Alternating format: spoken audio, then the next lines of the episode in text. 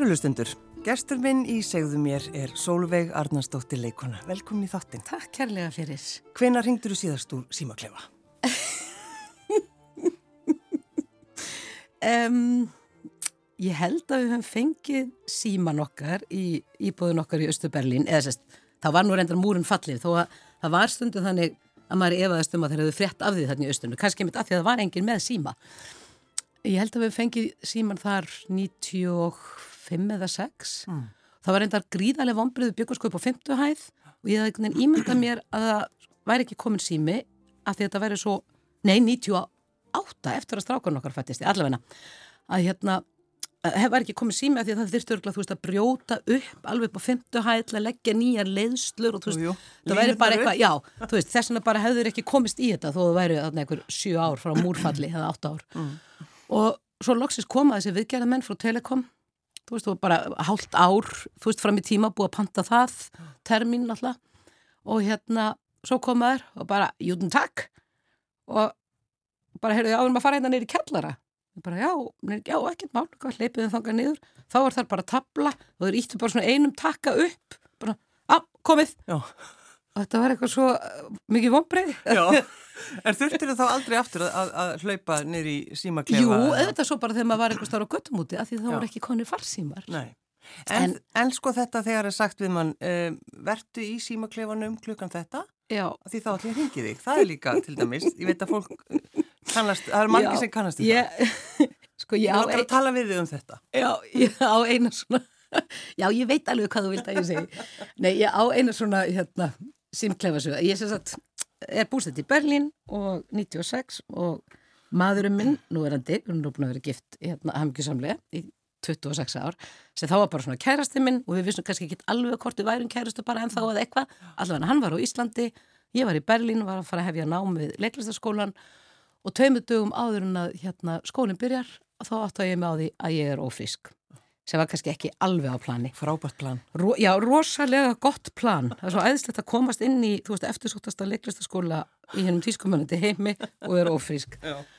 Og þannig að ég bara hugsa, guðmingóður, ég var náttúrulega verið að ringja í Jósa og segja honum frá þessu eitthvað og hann var að vinna sem smiður á Íslandi og ég sapna saman öllu klingi sem ég átti, fer í símklefan og ringi og þú veist, það, þarf að kalla á hann inn á okkur að skristu og eitthvað og, og ég, og ég melda með predikin setja einhverja mundsinn þarna í og er alveg svona skjálfandi og bara eitthvað svona pingu lítil og föl í þessum símklefa. Og hérna svo kemur hann og svona læti og ég var búin að búa til eitthvað svona ást okkar hefur getið af sér blómstur. Eða eitthvað ég man ekki eitthvað svona mjög flúraða engin dramatík engin, alls ekki. og hérna, og hann bara, ha, hvað segir þau? Heyrði ekki neitt náttúrulega og ég aftur eitthvað svona já það er á leiðinni lítið hamingju eitthvað, þú veist eitthvað hvað segir þau? og ég bara, ég er að hann bara, heyrðu, bíti, bíti, ég verði að skipta um síma ég heyri ekkert hvað þú ert að segja og svo bara kemur það, menn hann, þú veist, leipur í eitthvað aðra skrifstu og ég bara, hvað minn góð, ég, þú veist, átti ekki nefna bara eitthvað nokkur mörg eftir held áfram svo loksist kemur hann í síman og þú veist, ég held eiginlega bara hann hefði skellt á, sko bara, hvað varst það að segja, Solveig? Ég, ég er að reyna að segja þér að ég er ólétt. Þá bara rosalega löng þögn. Hann er bara hann er bara skellt, hann er farin þetta er bara svo segi eftir langa mæðu bara Jósi, Jósi, er það það? Jósi veistu það ég hérna verði að ringja í þið bara ég ringiði eftir nákvæmlega sólarring voru að vera í syngklefanum þegar maður með númerið á syngklefanum eftir nákvæmlega sólarring svo bara penningurum búinn ég bara, guð mig góður. Og fekk alveg svona stórfenglegt dramakast. Fór og kefti eitthvað rosalega ódýrt freyði vín. Drakk það með vinkonum minn um kvöldið. Og bara eitthvað, þú veist, hver, hver þessi maður eiginlega væri. Og hann sagðist að ringi bara til sólari og hvað heldur hann að ég standi þá bara í þessum símklefa? Sem ég svo samt að þetta gerði eftir sólaring og þá ringdi símin og þá var það Jósef. Sem sagði Þetta bara eru stærstu fréttir sem að ég hef fengið á æfinni og ég svaf ekki til nótt og ég bara er búin að setja og hugsa og hugsa. Og ég vildi bara vera alveg vissum að það sem ég er að fara að segja núna að ég geti staðið við það. Mm. og það er þú bara þú ert konan í lífið mínu og ég vil að við eignast þetta bara saman og bara við verðum alltaf saman. Og þá sagði ég, já, þetta er líklega bara mjög mikill quality maður Já. og fór bara að skella. Já, að sjálfsögðu. Og, þú veist, og við erum bara hér enn, sko. Já, þrýr strákar. Þrýr drengir. En sko á þessum tíma, þannig ertu búin að sækja hún sæðir, þú ert komin inn í skóla mm -hmm. í Þýskalandi, eh, vissir ekki að þetta væri svona svakalega vinsæl skóli? Nei, það hefur aftur svona með þess að simklefa að gera, þú veist það bara var ekki, þú veist það, þetta er áður en að internetið er fundið upp, þar sem ég heyri af þessum skóla. Já. Þú veist ég bara er hér í mentaskóla, hafði alltaf verið að leika, langaði með mikið í leiklist, langaði til útlanda mm Það var svona eitthvað sem ég var algjörlega ákveðin í, fannst Östur-Európa spennandi, fannst Rúsland spennandi, en þú veist, svo kannski einhvern veginn að læra alveg stafróðu upp á nýtt svolítið stús. Ekki það, þú veist, að fyrir mér að læra þýsku var náttúrulega næstu eins og að læra rúsnesku, ég var ömurlega í þýsku, sko, ég fjall á stúdinsprófið í þýsku. Já. Þannig að þetta var þegar ég ákvað svo að fara til Berlínar, það var svona vinir og vandaminn og voru bara, mm, ég var spes, alveg viss. En hérna, mm, Nei, þú veist, svo heyrði ég af þessum skóla, Ernst Bús, leikristaskólinn mér fyrir þá, austurluta borgarinnar og sem betur fyrir gæti ég ekki googlaðan. Þú veist, ég gæti ekki gert, ég gæti bara mætt þangað mm. og í mann þegar ég fór til að ná í sko pappirinn alltaf að sækja um skólan, það voru þrý svona drekar að vinna á skrifstofinni, svona einhverjar austur-evróskar kellingar í svona nælonsokkum upp að njám sem skárust svona inn í hvít holdið. Og strax mjög hætt og það er sko neittuð að láta mig fá pappirina að þeim fannst það sko móðgun fyrir prófessor á þessa skóla að manneski með ekki betri þýsku kunnóttu heldur en ég fær að segja þarna um. Já. og ég þurfti sko alveg svona þú veist að vera ansið áköft til þess að fá pappirina yfir höfuð í hendur og svo sótti ég þarna um og ferði þessi endökupróf og þú veist það gekk, já ég minna ekki betur en svo kannski má segja að þú veist ég var spur hvort ég geti mögulega leiki bara eitthvað á íslensku líka því þau skildu eða ekkert sem ég saði en, en hérna já það fór samt svo að þau hlöftu mér inn og ég fyrstu útlendingur sem, sem að fer inn í þennan skóla. Og þetta var það ótrúlega lukka og gæfa sko.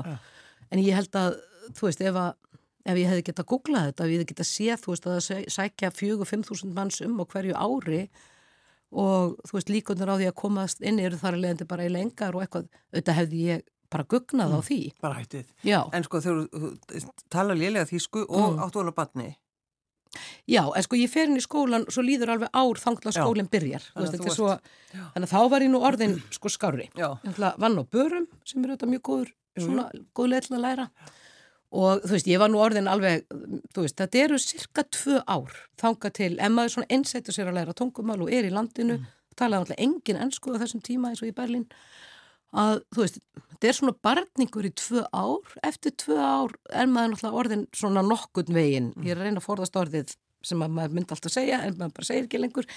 Um, orðið þannig að maður geti tjáð sig Já, akkurat. Já. Þannig að, já. En Solveig, þegar þú hugsaður um þetta sko ef það, þú hefur ekki farið út í leiklistina mm -hmm.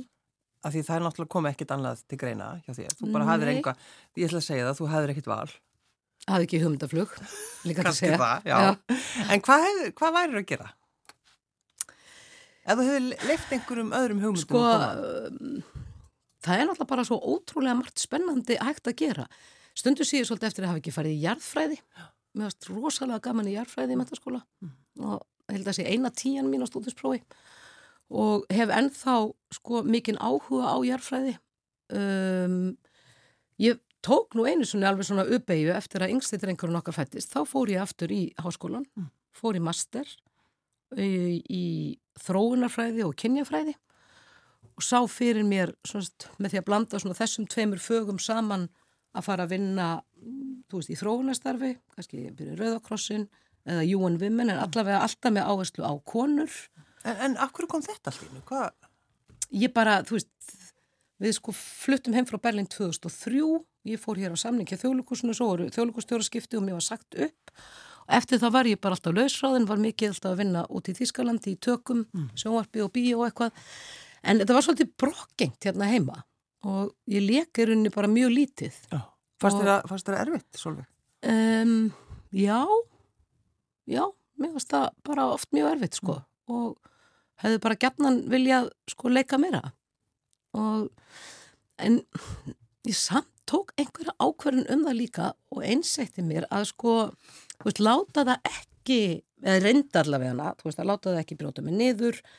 Um, er svona, það er þú veist, það er rosa auðvelt að verða einhvern veginn svona svolítið bitur og beskur og finna fyrir einhvern veginn höfnun að því að maður tekur þetta alltaf allt svo persónulega. Um, en það er líka að taka ákvörnum um það í lífunu að gera þá bara eitthvað annað. Já. þú veist, ég menna fyrir ekki þetta er ekki eins og sé ekki að gera eitthvað annað heldur en að leika skiluru, það er bara alveg hægt. Þannig að svona varst, þú veist mér, ég, mér varst það bara svona mjög hérna, skemmtilegt sko að fara eftir í háskólan mm. og þú veist, rosalega þroskandi og gaman að fara í akademist nám og ég var náttúrulega eins og fáiði Nei, þú veist, ég kem inn í mastersnám og bara eitthvað svona, já, og svo ég sker einhverja heimildareitger og ég bara heimilda, byttu, byttu, byttu, byttu, byttu, jú, jú, jú, byttu, eitthvað, heyrtu það, ég vissi ekkert, sko, bara, já, bara að nota apakerfið, bara, já, er, er það skriðið með pjeða, bjér, bara ég ætlaði að reyna að googla það, já. ég vissi ekkert hvað þetta var, þannig að þetta var rosa áskorun, en mjög skemmtilegt. Já.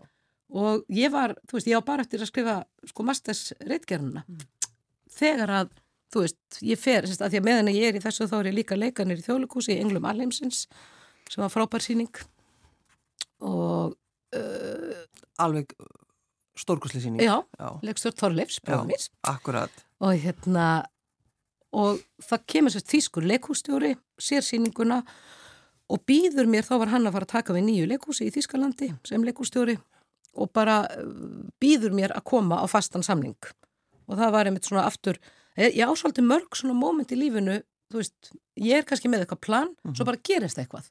Og allt í hennu þá bara, bara breytast öll plön. Mm. og við erum nú sem betur við mjög svona sveianleg myndi ég segja, hjónin. Og Jósi maður minn stóðum við hliðin á mér þegar þetta var og ég líti á hann og segi, ég var að flytja aftur til Ískalands ja. það var 2013 og hann bara, já ég menna, akkur ekki? Og svo bara gerðum við það og flyttum til Vísbatin og það var sko algjörlega stórfenglegt. Ég var þar í þrjú ár og leik sko á þessum þreymur árum 15 aðalutverk. Þetta var bara eins og svona masterclass. En þetta var svo sérstætt, Solveig, því að allt í því bara varst þú flutt til uh, Þýskalands mm -hmm. og emitt bara að leika í hverju leikrituna fætur öðru, mm -hmm. Stór, stórstjarnar. Já, bara, já, gekk bara mjög vel, já. bara leik og leik og leik og það var alveg rosalega gaman og þú veist, að því að auðvitað er það með leiklist eins og með allt annað að þú veist, maður verður náttúrulega líka að halda sér við. Já, já. þú veist, og, og hérna bara eins og með alla aðra vöðva þú veist, bara eins og með, skilur, íþróttafólk. Já, þú veist, það verður náttúrulega líka að halda sér í æfingu til að ná árangri og til þess að verða betra. Mm. og eins og þarna að komast, þú veist, í þetta að bara að fá að leika og leika og leika og leika mér finnst það stórfenglegt. Algjörlega stórkostlegt. Og uh, og það auðvitað, þú veist, og eftir, ég, eftir þetta hef ég svo sem bara verið að leika eila meir og minna svona viðstöðulöst, sko. Já. Það, sko, ef maður skoða bara sjónvarp og kvikmyndir í Þýskalandi, veistu hvað þú hefur leikið í? Um, ég taldi það einhver tíman saman, þá voru það nú orðið yfir 50, sko, sjónvars og, og kvikmyndir. Og er þetta bara alls konar hlutverk? Já, já, já, bara, já, bara mjög mismunandi. Mm. Um, Tveisvarsunum var ég sko með fasta rullu í sko einhverju svona sériu, þar voru tekna sko þá í báðum þeim sérium, sérst tvær 90 myndna sjónvarsmyndir á ári. Og, uh, og báðar þessa sériu gengu yfir einhver ár, þannig að það var eitthvað svona einhver fasti. Uh, já og svo bara, þú veist, mjög mismunandi og margskonar sko. Og þú veist, það er auðvitað ótrúlega gaman, en svona þegar ég hugsa um Þýskaland þá hugsa ég samt um leikhúsið. Já, akkurat. Þú veist, það er eiginlega það sem að svona hillar mig því þú veist, þetta er auðvitað bara alveg ótrúlegt leikhúsland. Það er í Þískaland eru sko, ég held 93 ríkisreikin leikhús og þau eru sko ríkisreikin með bara 98% styrk. Já. Það er alveg ótrúlegt. Já, það er til þannig lönd. Það eru til þannig lönd. Þískaland reyndar er land sem að setur mjög mikla fjármunni í menningu af því þeim finnst menning verið einn af grunnstóðum samfélagsins. Mm -hmm og menning er mjög hátt skrifuð og maður tekur til og meins eftir því sko þegar það eru svona þú veist umræðu þættir bara um eitthvað samfélagsmál líka um pólitík og eitthvað Meina, það er eiginlega alltaf einhver sko, sem kemur úr menningarheiminum mm. sem tekur þátt í því samtali og maður finnur til og meins eins og bara sko, leikarastarfið, það er litið á það sem mjög intellektuál starf skilur þú, þannig að það er já. svona þú veist, það er svona já, hvernig bara litið er á menningu, það hefur alltaf, já, annað gildi mm. heldur en kannski þetta er náttúrulega svo djúpa rætur þarna. Hvernig eh, fórstu síðast út að leika, Solveig? Uh, til Þískalands. Já, hvernig sko, síðast? Síðast þegar ég var, sérst, við, vor, ég var hérna í Vísbatin í þrjú ár, svo fluttu við heim aftur, en ég var samt að sko leika úti sem gestur. Síðan kemur þetta, þú veist, þessi ringing sem maður heldur einhvern veginn að bara muni aldrei ekki, að maður þorir ekki eins og láta sér dreym um það, að ég fer sérst í viðtal og fæ svo fastan samning við fólkspunu í Berlín mm. sem er svona bara uppáhaldsleikosið mitt í heiminum. Og við flytjum aftur til Berlínar 2019 og ég með þetta er bara, þú veist, þetta er bara svona einhvern veginn mestir draumur, veist, ef ég hefði rosalega áhuga á því að verða Hollywood stjarnar væri þetta bara eins og Spielberg myndi ringja eða eitthvað, eða, eða eitthvað svona hérna um, og byrja, sérst, bara fer á fastan samning eða sko tveggjóra samning, það er alltaf gerir bara svona tveggjóra samningar í senn og þú veist þetta var bara stórfenglegt við flyttum til Berlínar aftur og ég alveg svona með það daldið í huga að við séum þú veist kannski ekki flutt endanlega þú veist enda aldrei þetta að gera einhver endanleg plön í lífinu en hugsaðum það alveg lengra enn til tveggjára mm. Og um, það er bara allt stórfenglegt og gengur bara mjög vel og það er bara eitthvað leika, leika, leika. Og svo náttúrulega kemur bara COVID Já. og allt fyrir í lockdown breytist allt saman. allt breytist. Já. Og við svona, þú veist, þetta er að gera langa sögustötu þá bara svona rökkluðust við í rauninni aftur heim, aðeins út af yngsta drengunum okkar því að skólanir úti náttúrulega lokuð allir maður svona gleymur þessu nú sem betur fer mjög fljótt sko. já, og hérna, þannig að síðasta skipti sem að ég leik í leikhúsi í Þískalandi var uh, þarna, þú veist, eitthvað svo tekið upp á sviðinu einhvern tíman í mars þú veist, 2021 það var, mars, það var, það var í mars. Já, síðast sem einhver gerði eitthvað, eitthvað já. Já, já. en þetta er búið að vera svolítið svona mikið ár hjá þér núna Solveig það er, það er stort leikár. Já, og það verður, þú veist, aftur eru svona sviftingar í lífinu, þú veist, þegar við erum komin hérna og þú veist, og vissum ekki allir að reyna að fara aftur út, þar var allt samt í kalda kóli og þá kemur aftur hringing sem var, sem sagt, Brynhildur Guðarsdóttir borgarleikustjóri og við hittumst og hún sérst býður mér samning við borgarleikusið og ég bara hjátti því og, og fór þangað, það er sérst í fyrsta skipti sem að ég er á förstum samningi við leikus á Íslandi um, Hvernig er svo tilfinning? Ég verð nú bara að segja um þetta góð Já. Ég er nefnilega, nú er ég árið 50 sko og mér er svolítið næstlið með svona, svona launa sumafrí mér finnst það eitthvað svona konsept sem að ég þekkti bara ekki, ég verði að segja mér finnst það bara alltaf hugulegt ég hef alltaf þú veist verið að gæta öll sumur eða já, já, þú veist já, eitthvað að vesenast og stúsa eða skilur við bara, allir þurfa að vinna og það er þarna salt í þennan gröð og, og hérna já, þú veist og, og það var alltaf svona fyrsta ári var auðvitað svolítið skrítið því það var alltaf líka mm. einhverjar COVID-lokkanir og eitthvað svona. En já, þetta er búið að vera bara algjörlega ótrúlegt sko. Ég meina, Lady Macbeth og Jackie Kennedy mm -hmm. til dæmis. Já, og eitt farsi líka. Og eitt farsi, já. Já, já þannig að ég, þetta er bara búið að vera mjög skemmtilegt sko. Já, uh, maður tók við, sko, þegar maður horfið á því leika Jackie Kennedy, það er þessi, sko, með textan. Áttu, áttu auðvelt með að læra texta? Um, ég veit ekki hvort ég hef eitthvað auðveldara með það, heldur en aðrir, eða en ég, jú, sko, eða ég held að það sé svolítið með að læra texta um, þetta er auðvitað eitthvað mindset líka já, já. og ég bara mér finnst skipta mjög mjög máli að reyna að vera alltaf búin að læra allan texta eða bara fara aldrei með handrið á svið það er bara, mér finnst það svona fyrir mig mm. betra og um, ég bara sest niður og læri já. og þú veist, ég er mjög vinnusum og ég er mjög öguð og ég tek þetta starf rosalega alvarlega Já. eða skilur, ég tek þetta alvarlega bara sem fag mm -hmm.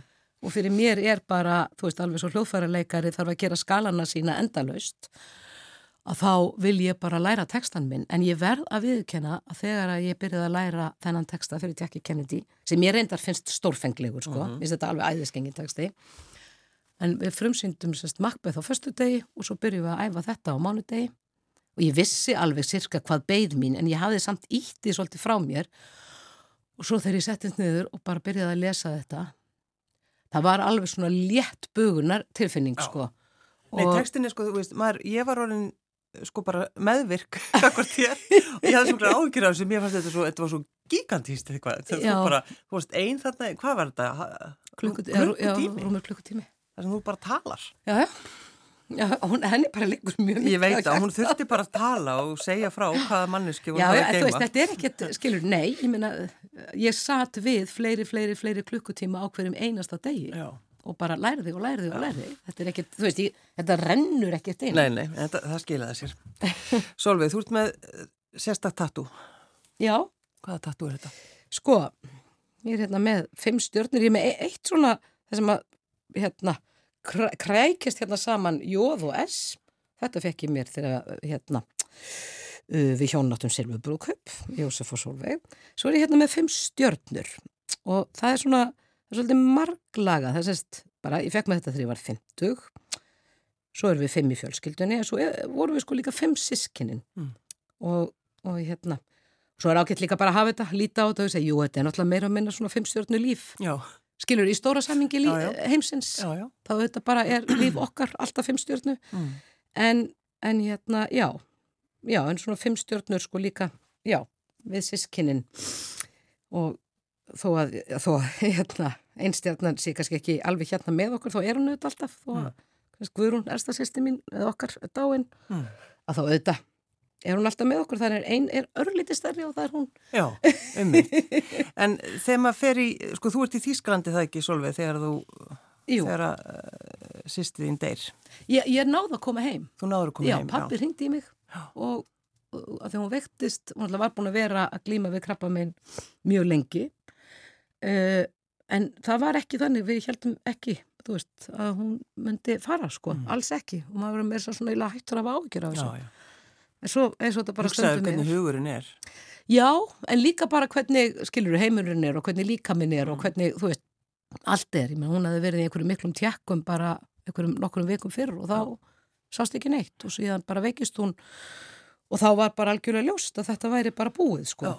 Þannig að þú veist, það má svo sem segja svona eftir á að þú veist, það var allavega ekki svona langt stríð mm. en ég náði, sem sagt, að fljúa heim bara strax um kvöldið og þorluðu bróðum minn kom og náði mig og við fórum bent á spítalan mm.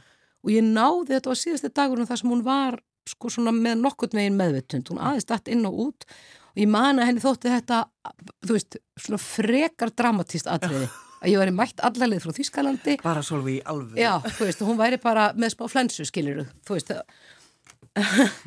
þannig að hérna já og svo var þetta bara vika og þá var hún farin sko, mm. en ég er alltaf mjög, mjög þakklátt að hafa náða hverði hana.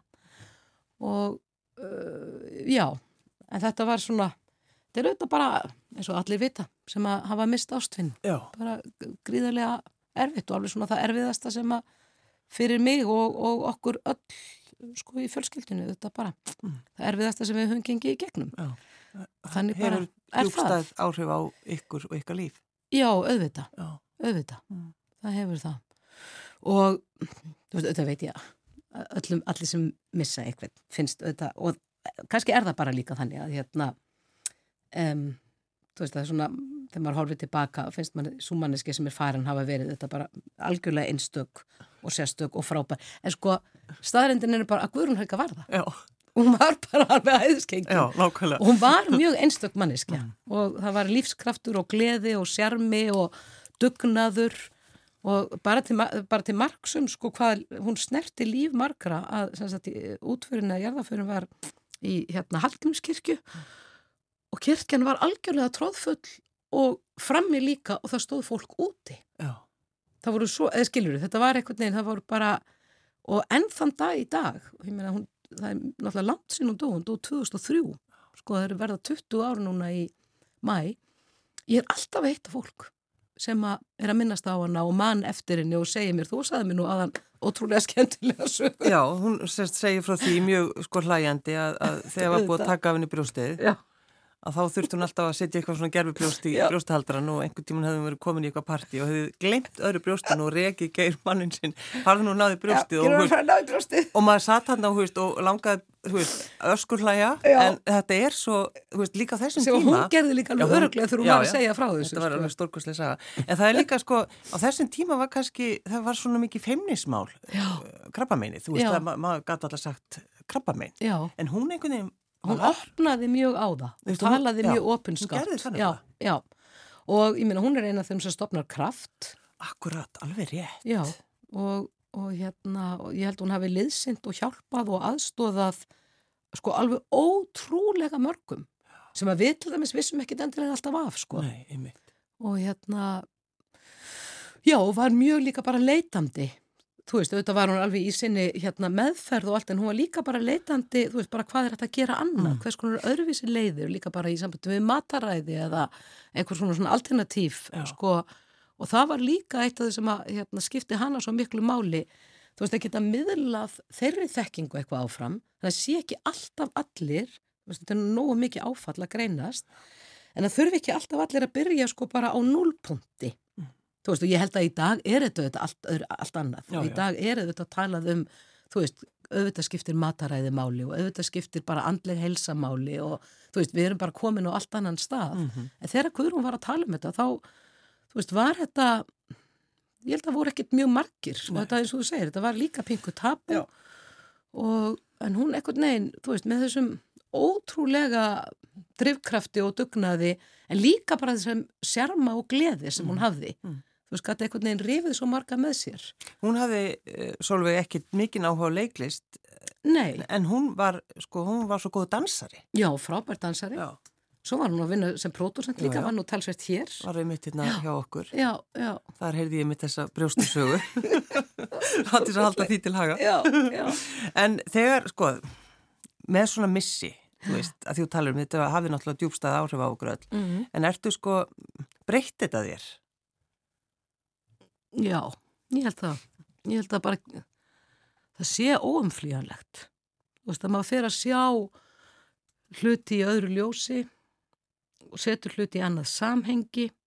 Á einhvern tátt metur maður lífið líka meira. Mm. Og, og hérna, maður, þú veist, mér ekki er óhemju vendum sískinni mín. Mm. Það er svona, já, það er hvernig við bara svona stöndum saman og stýðum hvort annað mm. skiptið með miklu máli og mjög margt sem að svona Guðrún stóð fyrir þú veist, hef ég held ég tekið meira með mér heldur en kannski ella væri já. því að hérna þú veist, einmitt kannski þegar kemur eitthvað mótlæti eða því hún var ótrúlega svona jákvæð manniska hún væri ekkit að fela það líka var hún stundum hrætt og stundum var þetta auðvitað mjög erfitt en þú veist ég hef reyndið að taka það mjög með mér mm -hmm. og ég held að þetta sé það sé mjög oft í rauninni hægt að ákveða að sjá frekar hlutina í ákvaðuljósi þú veist öll verður við fyrir áföllum og öll verður við fyrir skakkaföllum og einhvers konar mótstremi og erfileikum í lífinu. Það er mhm. bara óumflíjanlegt, þannig er lífið.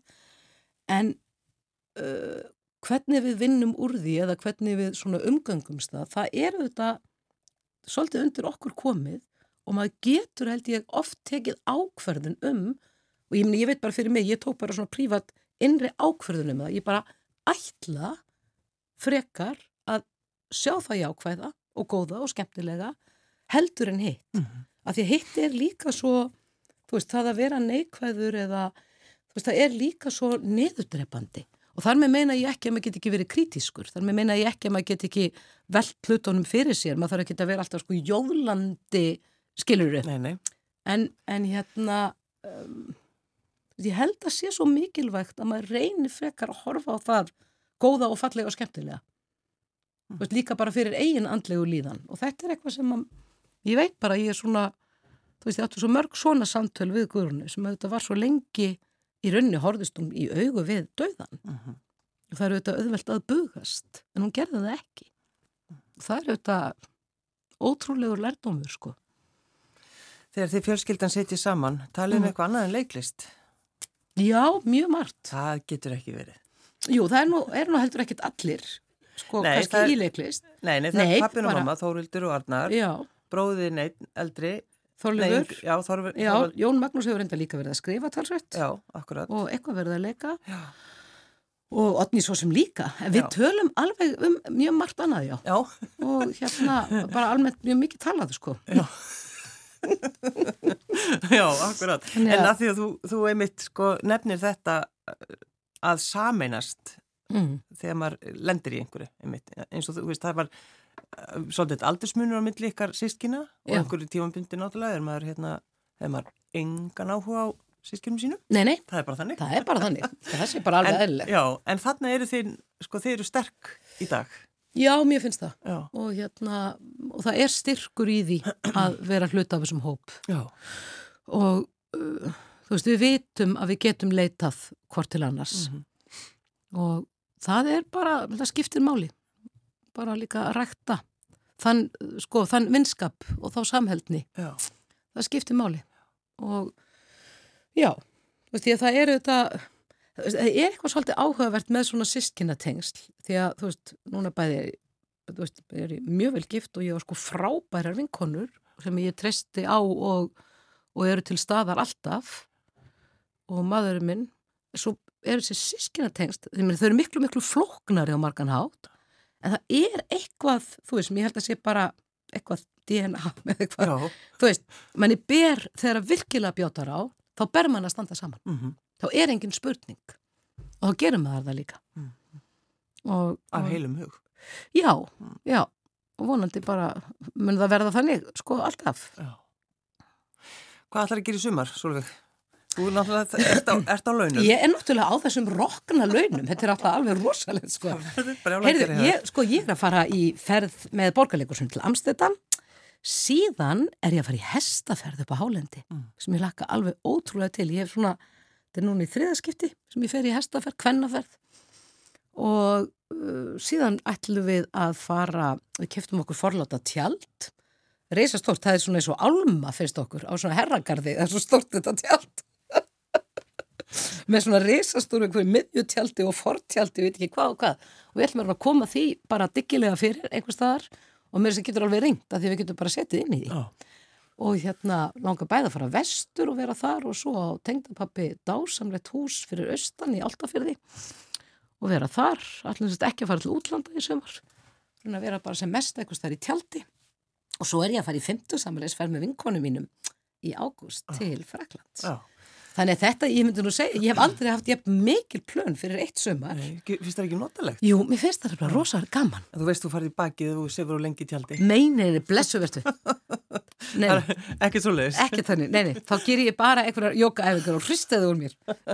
Já, framöndan þá, sko, svo er það bara náttúrulega næsti vetur. Þannig að þú veist svo sem hvað þú ert að fara að gera næsta vetur. Er það ekki í leikast? Jú, ég veit það núna, jú. Ég byrjaði að æfa næsta verk, Já. nýtt verk til Marju Reyndal sem hún er leikstýra, sem hún erum bara að byrja að æfa mjög spennandi og síðan fer ég aftur að vinna með Unnu Þorleifstóttur mm -hmm. sem að gerði líka prinsessuleikana og við höfum átt bara mjög skemmtilegt og gott samstarf þannig að það er allavega þetta á dagskrá.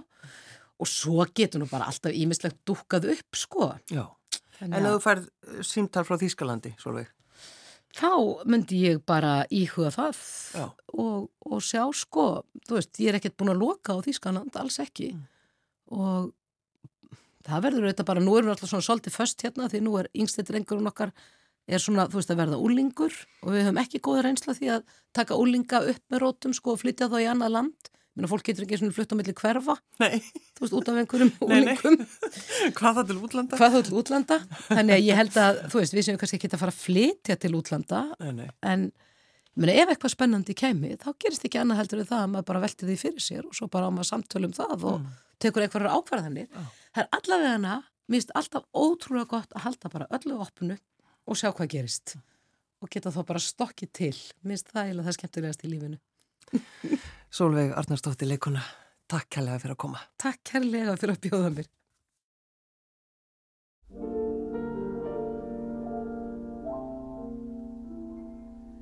Ich hab noch einen Koffer in Berlin. Deswegen muss ich nächstens wieder hin. Die Seligkeiten vergangene Zeiten sind alle noch in meinem kleinen Koffer drin. Ich hab noch einen Koffer in Berlin der bleibt doch dort und das hat seinen Sinn.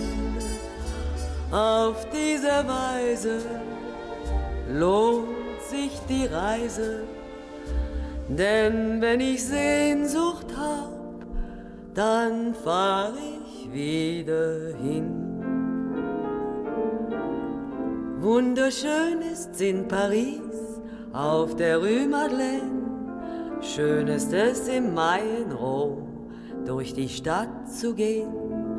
Oder Sommernacht still beim Wein in Wien. Doch ich denk, wenn ihr auch lacht, heut noch an Berlin. Ich hab noch einen Koffer in Berlin. Deswegen muss ich nächstens wieder hin.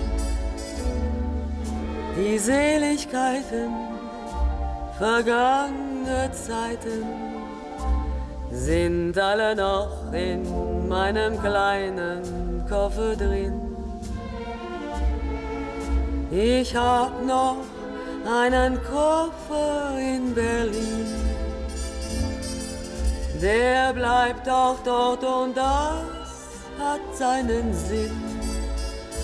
Auf diese Weise lohnt sich die Reise, denn wenn ich Sehnsucht hab, dann fahr ich wieder hin.